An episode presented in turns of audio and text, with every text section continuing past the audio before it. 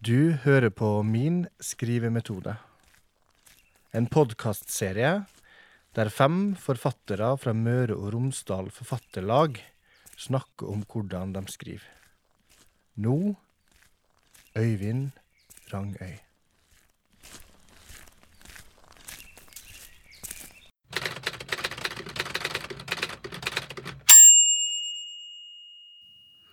Hei. Jeg heter Øyvind Rangøy. Jeg er fra Averøya, og jeg er aktuell med min første diktsamling på norsk, Dødsbu. Det er derimot ikke min første bok eller første diktsamling. Den skrev jeg på estisk i mitt andre hjemland, Estland. Og derifra kommer òg dette diktet av Carolina Pihelgas i mi norske gjendikting. Hyl først, halsen hås av klisjeer. La setningene slite deg i fillebiter, metaforene trampe deg ned i svarte søla, hver språkfigur få en munnfull av deg, fingrene blir avbrutne, én etter én, håndledda omvridne to ganger, ryggsøyla innslegen, ledd for ledd, og når du tror det ikke kan bli verre, kneskålene knust med tong, og øynene suga ut, og når det har vart uendelig lenge, og du bare tigger om å få døy, blir du lappa i hop att, bit for bit. Først helt feil, men til slutt kommer hodet på plass, og beina gror i hop, og du kjenner blodet sirkulere før de kviskrer i øret på deg. Nå kan du prøve å snakke. Om du tør. Jeg skriver dikt. Jeg skal prøve å si noe om hvordan jeg gjør det, men jeg tar meg og lurer på om det går an. Det går an å si en hel del om hvordan en skal skrive en CV, kanskje til og med en roman. Men et dikt En gang i tida besøkte jeg videoutleia ved Esso-stasjonen i Ernesvågen. Og det førte meg inn i rekka av unge sjeler som lar seg merke av Dagen er din, eller Dead Poets Society, som den heter på originalspråket. I filmen kommer en ny engelsklærer til den konservative kostskolen Welton, og i hans første time er emnet poesi og læreboka stiller opp et skjema der den plotter diktet langs to akser. Hvor teknisk fullkomment det er utført, og hvor viktig emnet for diktet er. Ved å regne ut arealet under grafen kan en finne ut hvor stort diktet er. Det første den nye læreren gjør, er å be elevene rive ut hele kapitlet. Så begynner han å vise dem hva poesi er. Ikke noe han skal plotte på en graf, men noe som gjør livet verdt å leve. Det her fascinerte og forvirra meg. For da jeg begynte å skrive dikt, så var det på mange måter fordi jeg ikke forsto hva dikt var. Det må jeg nok forklare nærmere. Jeg er utdanna estisk filolog. Språkutdanna, og dermed en av de svært få som er i stand til å oversette fra estisk til norsk. Og Derfor så fikk jeg en gang spørsmål om jeg kunne gjendikte estiske dikt. Ja, hva vet vel det om dikt? Tenkte jeg. Og jo mer jeg tenkte, desto mer forvirra ble jeg. Jeg prøvde å huske hva jeg hadde lært på skolen. Rim og rytme, metaforer og slikt. Jeg hadde jo til og med sett Dead Poet Society. Men eh, mer enn noen gang så kjente jeg på at jeg ikke visste hva dikt er for noe. Og det førte meg ut på ei leting. Det første jeg gjorde, var å bla i ei bok om versemål. Og det gjorde meg ikke så veldig mye klokere. Så fant jeg ut at det finnes et norsk forum på nettet som heter Diktkammeret. Dette var før de såkalte sosiale medier. Men Diktkammeret hadde noe av det samme i seg. Han kunne skrive og straks få tilbakemelding. Og det ble min vei inn i ei utforsking av hva dikt er for noe. Og lenge, svært lenge, så kjente jeg at jeg ikke forsto så mye av det, men like fullt så drev jeg på og skrev dikt. Og noen av dem ble til og med gode. Hva var det jeg gjorde da? Det er umulig å avgrense diktsjangeren. Du kan ikke komme med en definisjon en gang for alle som gjør det klart hva som er poesi, og hva som ikke er det. Og like fullt så er det en hel del som kan sies om kjennetegn på det vi kaller dikt, poesi og eller lyrikk. På Diktkammeret ble jeg kjent med de såkalte diktleksjonene til Helge Torvund. Som diktlærer på Diktkammeret har Helge gjort en stor innsats som formidler av det en famlende poetspire kan trenge av praktiske råd og tips. Diktleksjonene er ikke en skrivemetode, ikke noe oppskriftsbok men derimot et knippe lettfattelige innføringer i mange av prinsippene som til sammen kjennetegner lyrikksjangeren.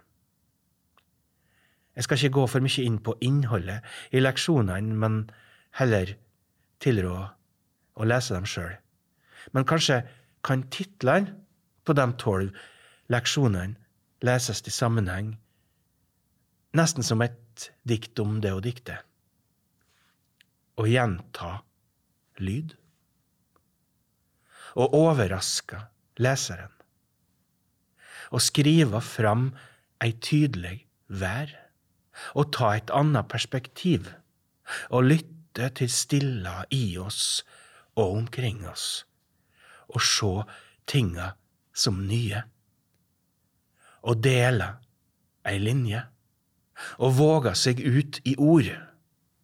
Og skrive at jeg elsker deg, og slutte mens enden er god, og granske grensene for språket, og skrive seg inn i ei stor rørsle. Dette er ikke noe skrivemetode. Det er derimot ting jeg ofte kan oppdage at jeg har gjort når jeg ser på ting jeg har skrevet. Men på hva måte skjedde det? Og igjen, hva kan dikt være for noe? La oss ta en tekst som er med i min nye diktsamling, Dødsbu. Det fanst dei ti båtar kom heim. Rullande kom dei, og fedrane hadde store støvlar. Framleis går berget bratt ned fra teppet av lyng og gult gras, ned svarte sleipa dit taren er som en voksen mann uraka. Med gamle dønninger i ryggen kom de heim, og under kaiene var ruren, vinkende engler som slitne mødrer i vatnet som flødde og fall, og blikket leita og fann. Fargerike kuler og flagg, blåser og nøter mot vegger og en søt røyk av diesel. Det var framtid i dette som ikke fanst, og framleis kjem floa inn, klår over taren, som flytende lys, mørkt lagra. Lett oss være skoleelever. Se etter virkemiddel. Diktet har ikke fast rytme eller enderim, men eh, jeg gjentar lyd. Og det finnes en hel del alliterasjon her. Store støvler. Berget bratt. Gult gras. Framleis kjem floa inn. Det fins en rytme, en musikalitet i det. Og det er noe med vokalrekkene som ligger godt i munnen. Når det gjelder linjedelinga, er den heller ikke vilkårlig. For eksempel er det viktig at sluttlinja står for seg sjøl, fordi lyset da får etablere seg før kontrasten med mørket kommer inn. Det finnes ikke noe eksplisitt eg i teksten. Derimot fins det et blikk, og blikket leita og fann. Og dette blikket får vi del i gjennom teksten, og det tar oss med gjennom flere tider. Diktet åpna med å nevne at det fantes ei tid. Men det betyr at det blir innført ikke bare ei, men flere tider som leseren underbevisst holder greie på. Tida det blir skrevet, tida det blir lese, tida som fantes, tida for sammenligninga av det som er, med det som var, og framtida som aldri ble. Alt dette er ting som vi kan legge merke til. Vi kunne gått videre med skjemaet fra Dead Poet Society og tegna graf. Det gjør vi ikke. Men hva med metode? Kallesen i all verden gikk jeg fram for å skrive noe slikt som det. Og hvorfor? Kanskje jeg først kan si noe om hva jeg ikke har gjort. Jeg har ikke planlagt diktet. Ikke skissert det. Ikke visst på forhånd hvordan det skulle bli. Jeg har ikke hatt en idé om hvordan det skulle slutte. Jeg har ikke tenkt på hva virkemiddelet jeg skulle bruke, eller hva de skulle gjøre. Og jeg har heller ikke brukt ironi, sjøl om det kanskje finnes beslekta fenomen i formuleringer som det var framtid som ikke fantes. Iallfall finnes det ingen betydelig ironisk distanse i det. Det er det det er. Det er ett med blikket det har i seg, og det forstås i prøve som det. Teksten er enkel og kompleks på samme tid liksom den som skaper teksten. Betyr det at jeg skriver uten metode? Kan jeg bare avslutte her og, og si at min metode er å ikke ha noen metode? Ja, da ville du som lytter føle det litt snytt, og det skal vi ikke ha noe av. Det går nemlig an å si noe om forutsetningene for å skrive på denne måten. Først og fremst så må det å skrive være nødvendig. Dette har eh, for eksempel Rainer Maria Rilke formulert før. Vi kan ta et sitat fra Brev til en ung dikter. Gå inn i dem selv og undersøk de dybder som deres liv oppstår av. Ved dets kilder finner de svar på spørsmålet om de må skape. Ta imot svaret som det lyder, uten å fortolke. Det prinsippet gjør ei rekke spørsmål irrelevante. I og med at du må skape, så gir det ikke mening å vege fram og tilbake og filosofere over hva som har vært skrevet før, for det har det. Om du må tenke for mye på det, ja, da er svaret gitt. Da trenger du ikke å skrive. Dette er skremmende og frustrerende når jeg kunne tenkt meg å ha følelsen av å ha skrevet, men ikke faktisk har noe å skrive. Men det er like frigjørende når det faktisk er nødvendig å skrive.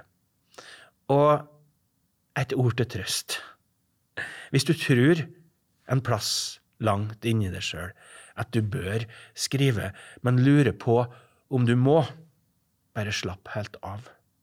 Lev litt i stedet. Bare være åpen. For det at du ikke må nå, betyr jo ikke at du ikke må senere. En forfatter er en leser som av og til skriver, blir det sagt. En må lese mye for å kunne skrive. Det er sannsynligvis sant. Men jeg skal komme med ei vedkjenning, en bekjennelse her i dag. Jeg så på meg sjøl som en dårlig leser. Jeg syns det å lese, kanskje generelt, men særlig poesi, var skremmende. Hvorfor det?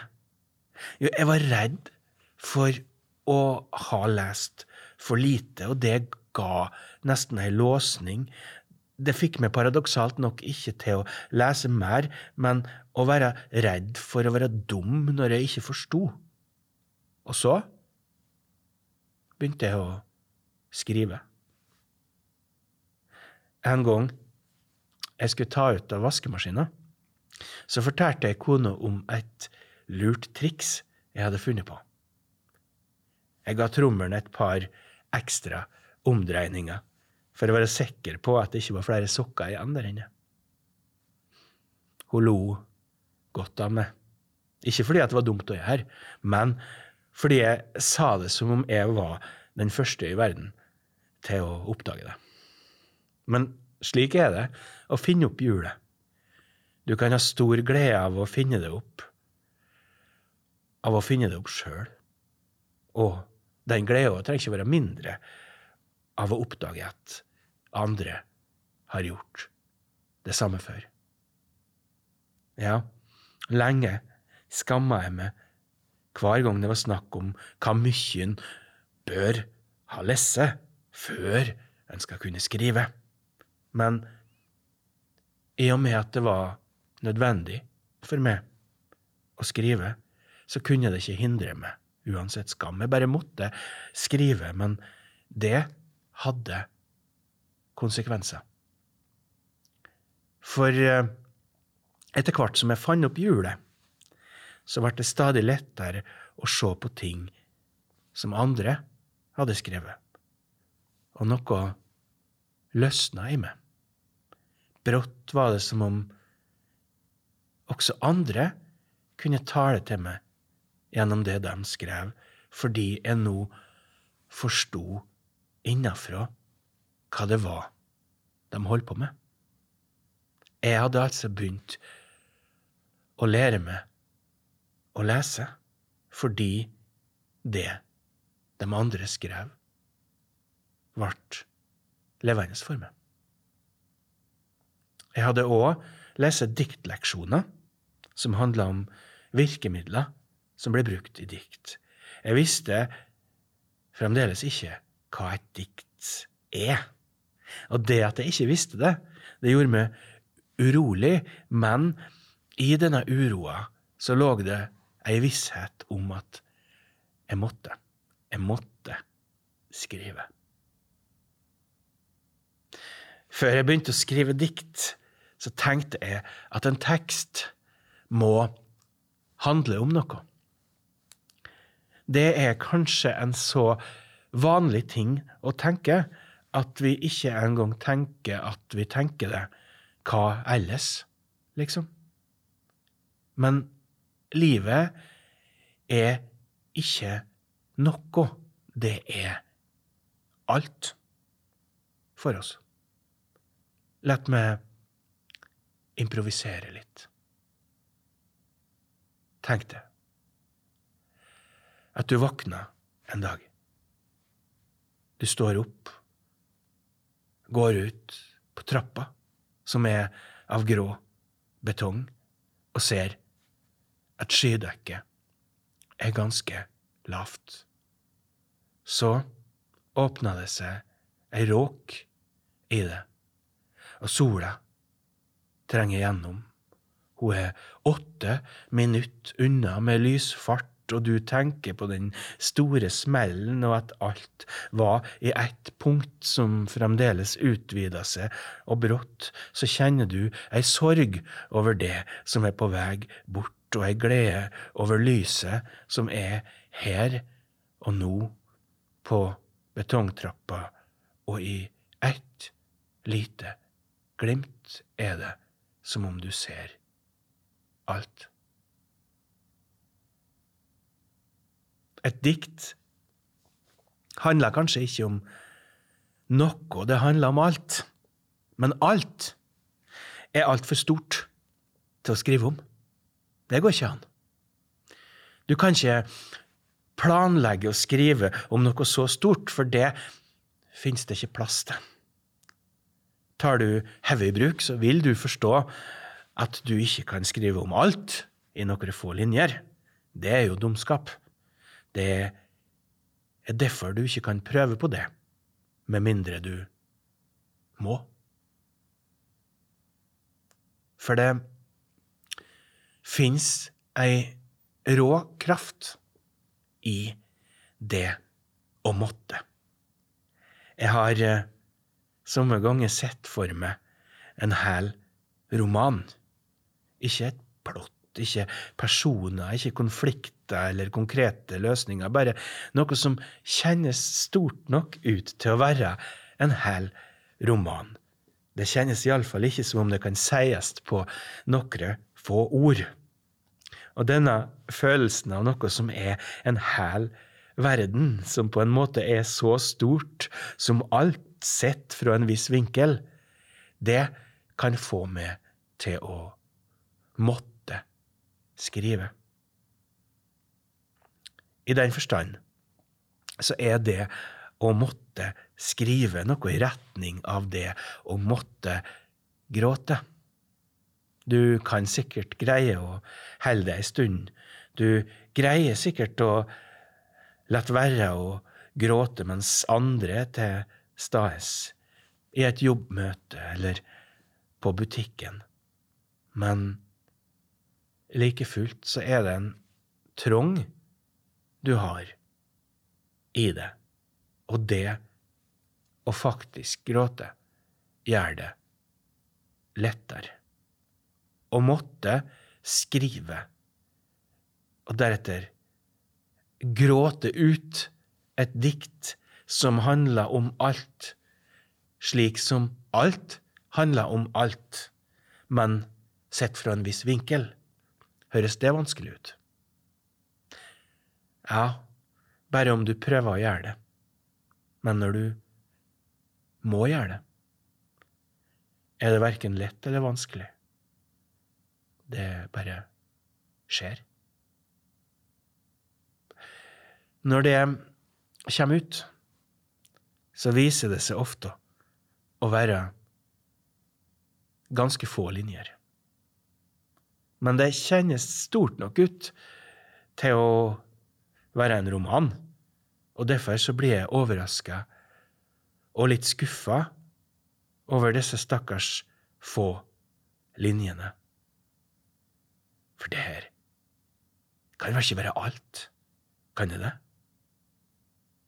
Ofte er det ikke det. Ofte stopper det litt opp. Kanskje det ikke var nå det skulle forløses helt. Kanskje var det et for- eller etterskjelv. Men eh, andre ganger så leser disse stakkars få linjene og blir forbløffa over at den store følelsen jeg hadde, faktisk finnes i de linjene. Det er lite, men det er alt likevel. Det trengs det ikke mer. Da har diktet kommet. Men om det er slike voldsomme krefter i spill, hva med sjølkritikken? Er det plass for den? Ja, definitivt. Men i en viss forstand er det samtidig nødvendig å være ufeilbarlig. Det går an å tvile på at noe har funnet si form, men om du tviler på at det fins noe som er verdt å si på den kjernen, ja, da må du ikke skrive, og dermed så kan du ikke skrive. Denne tilliten til at noe har verdi, at noe er verd å uttrykke, er som kjærlighet. Ingen kan fortelle deg at det ikke finnes. Du kan sjøl miste trua, men når du tror på det, så er det en helhetlig opplevelse. Det trenger ikke noe annet grunngiving enn seg sjøl. Det er nok, og mer enn nok, fordi det er noe du vet innafra er akkurat så stort som det er. Men en stor følelse inni det er ikke det samme som at andre får en like stor følelse av å lese det du skriver. Å tro at denne følelsen skal kunne uttrykkes, det er på samme tid uunngåelig og absurd. Når det likevel fungerer, så er det fordi at følelsen har ei indre form, en struktur, og at denne strukturen på en eller annen måte setter seg fast i språket, slik at det kan avkodes, liksom en stift kan vibrere og skape et spor som kan avleses av en grammofon og gjenskape musikk. Å tro på det er samtidig å tro at det fins et språk for det. Å bli voksen er mellom annet å bli kritisk til språket. Du forstår at språket kan misbrukes, at det kan brukes til å lyge, tilsløre, det kan brukes som maktmiddel, at det ofte er tomt eller fylt med noe annet enn det gir seg ut for. Og det å gjennomskue alt dette kan få oss til å miste trua på språket. Og kanskje òg til å bli veldig opptatt av og kretse rundt av at vi har mista trua på språket. Men eh, hvis du tror at noe virkelig er verdt og uttrykket, så har du i det trua på at det må finnes et språk for det. Ja, så kom altså orda. Jeg planla dem ikke. De bare kom. Naturligvis er det ikke så enkelt som det. Jeg brukte alt jeg er. Jeg brukte kunnskapene fra diktleksjonene. Jeg brukte alt jeg har lest. Jeg brukte all min erfaring som oversetter, alt jeg har gjort med språk, på ulike måter gjennom livet så langt. Jeg brukte alt dette, men ikke slik jeg trodde at jeg lærte på skolen at jeg skulle gjøre det. Jeg brukte det intuitivt. Og det er i grunnen hele trikset. Alt det jeg har lært, ville jeg trolig bruke, men jeg kan ikke skrive dikt ved å prøve å bruke det. Når jeg prøver å være grundig og bevisst, så avgrenser jeg meg til en rasjonell måte å forholde meg til verden på.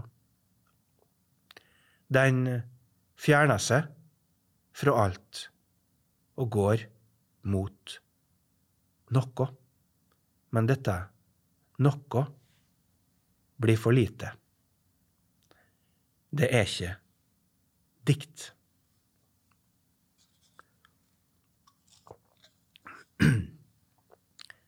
Det er òg grunnen til at det i begynnelsen er så vanskelig å forholde seg til tilbakemeldinger på dikt. Kanskje har vennene eller kritikerne din rett. Kanskje du med litt såra stolthet kan se at de har et poeng. Men det er ikke det samme som å kunne gjøre noe med det. Hvorfor ikke? Jo, fordi du tror du har forstått det, men det har ikke blitt del av det ennå. Så ser jeg på disse ordene mine. Er det bra nok? Jeg var ufeilbarlig når jeg skrev dem. Er det bra nok etterpå? Jeg trodde lenge at jeg måtte flikke på ting på en måte som gjorde meg rådløs og redd. Fra jeg var liten, så husker jeg følelsen jeg fikk når jeg forma dyna mi som nesen på en veteranbil. Jeg syns det ble så fint. Men det var to ting som gjorde meg trist. At det var bare jeg som så det. Og at det ble ødelagt om jeg rørte på meg. Litt slik kjente jeg det lenge, når jeg skulle prøve å, å flikke på og fikse på dikt. Så forsto jeg at jeg ikke alltid trenger å flikke på dem. Kanskje er de bare ferdig. Kanskje kjennes de bare helt ferdig med en gang, og da kan jeg stole på det. Det er et mot det tar tid å få, men når det er der, så er det diktet ferdig. Samtidig kan det bety motet til å si at dette blir ikke ferdig. Ikke i den forma her. Jeg, jeg, kan ikke gjøre noe med det. Det betyr ikke at det er håpløst. Det betyr ikke at ideen er håpløs. Det betyr bare at det må ned på dypet en runde til. Dit jeg ikke vet hva som skjer. Og at det må komme tilbake en gang i ny form. Når det sjøl er klart. Det kan òg være at det er nesten ferdig. At det er stort sett slik det skal være, bare ikke helt finpusset. Og da finnes det òg et enkelt triks. Jeg leste opp. For mine dikt er til for å leses opp. Jeg leste mange ganger. Kjenner på det. myser litt når jeg leser. Og til slutt så skjer det at jeg innimellom leser feil. Og de feilene er ofte rettere enn det som faktisk står. Og helt til slutt Det er ikke nok å være ekte og ærlig. Men eh, har du ikke noe ærlig å si, så går det ikke lenge før du ikke har noe å si. Så blir de stående, disse tre. Tru, språk og ærlighet. Og ærligheta har en fordel framfor løgna. Hun tek aldri slutt. Du hørte nå på Min skrivemetode, en podkastserie fra Møre og Romsdal Forfatterlag og Norsk Forfattersentrum Midt-Norge.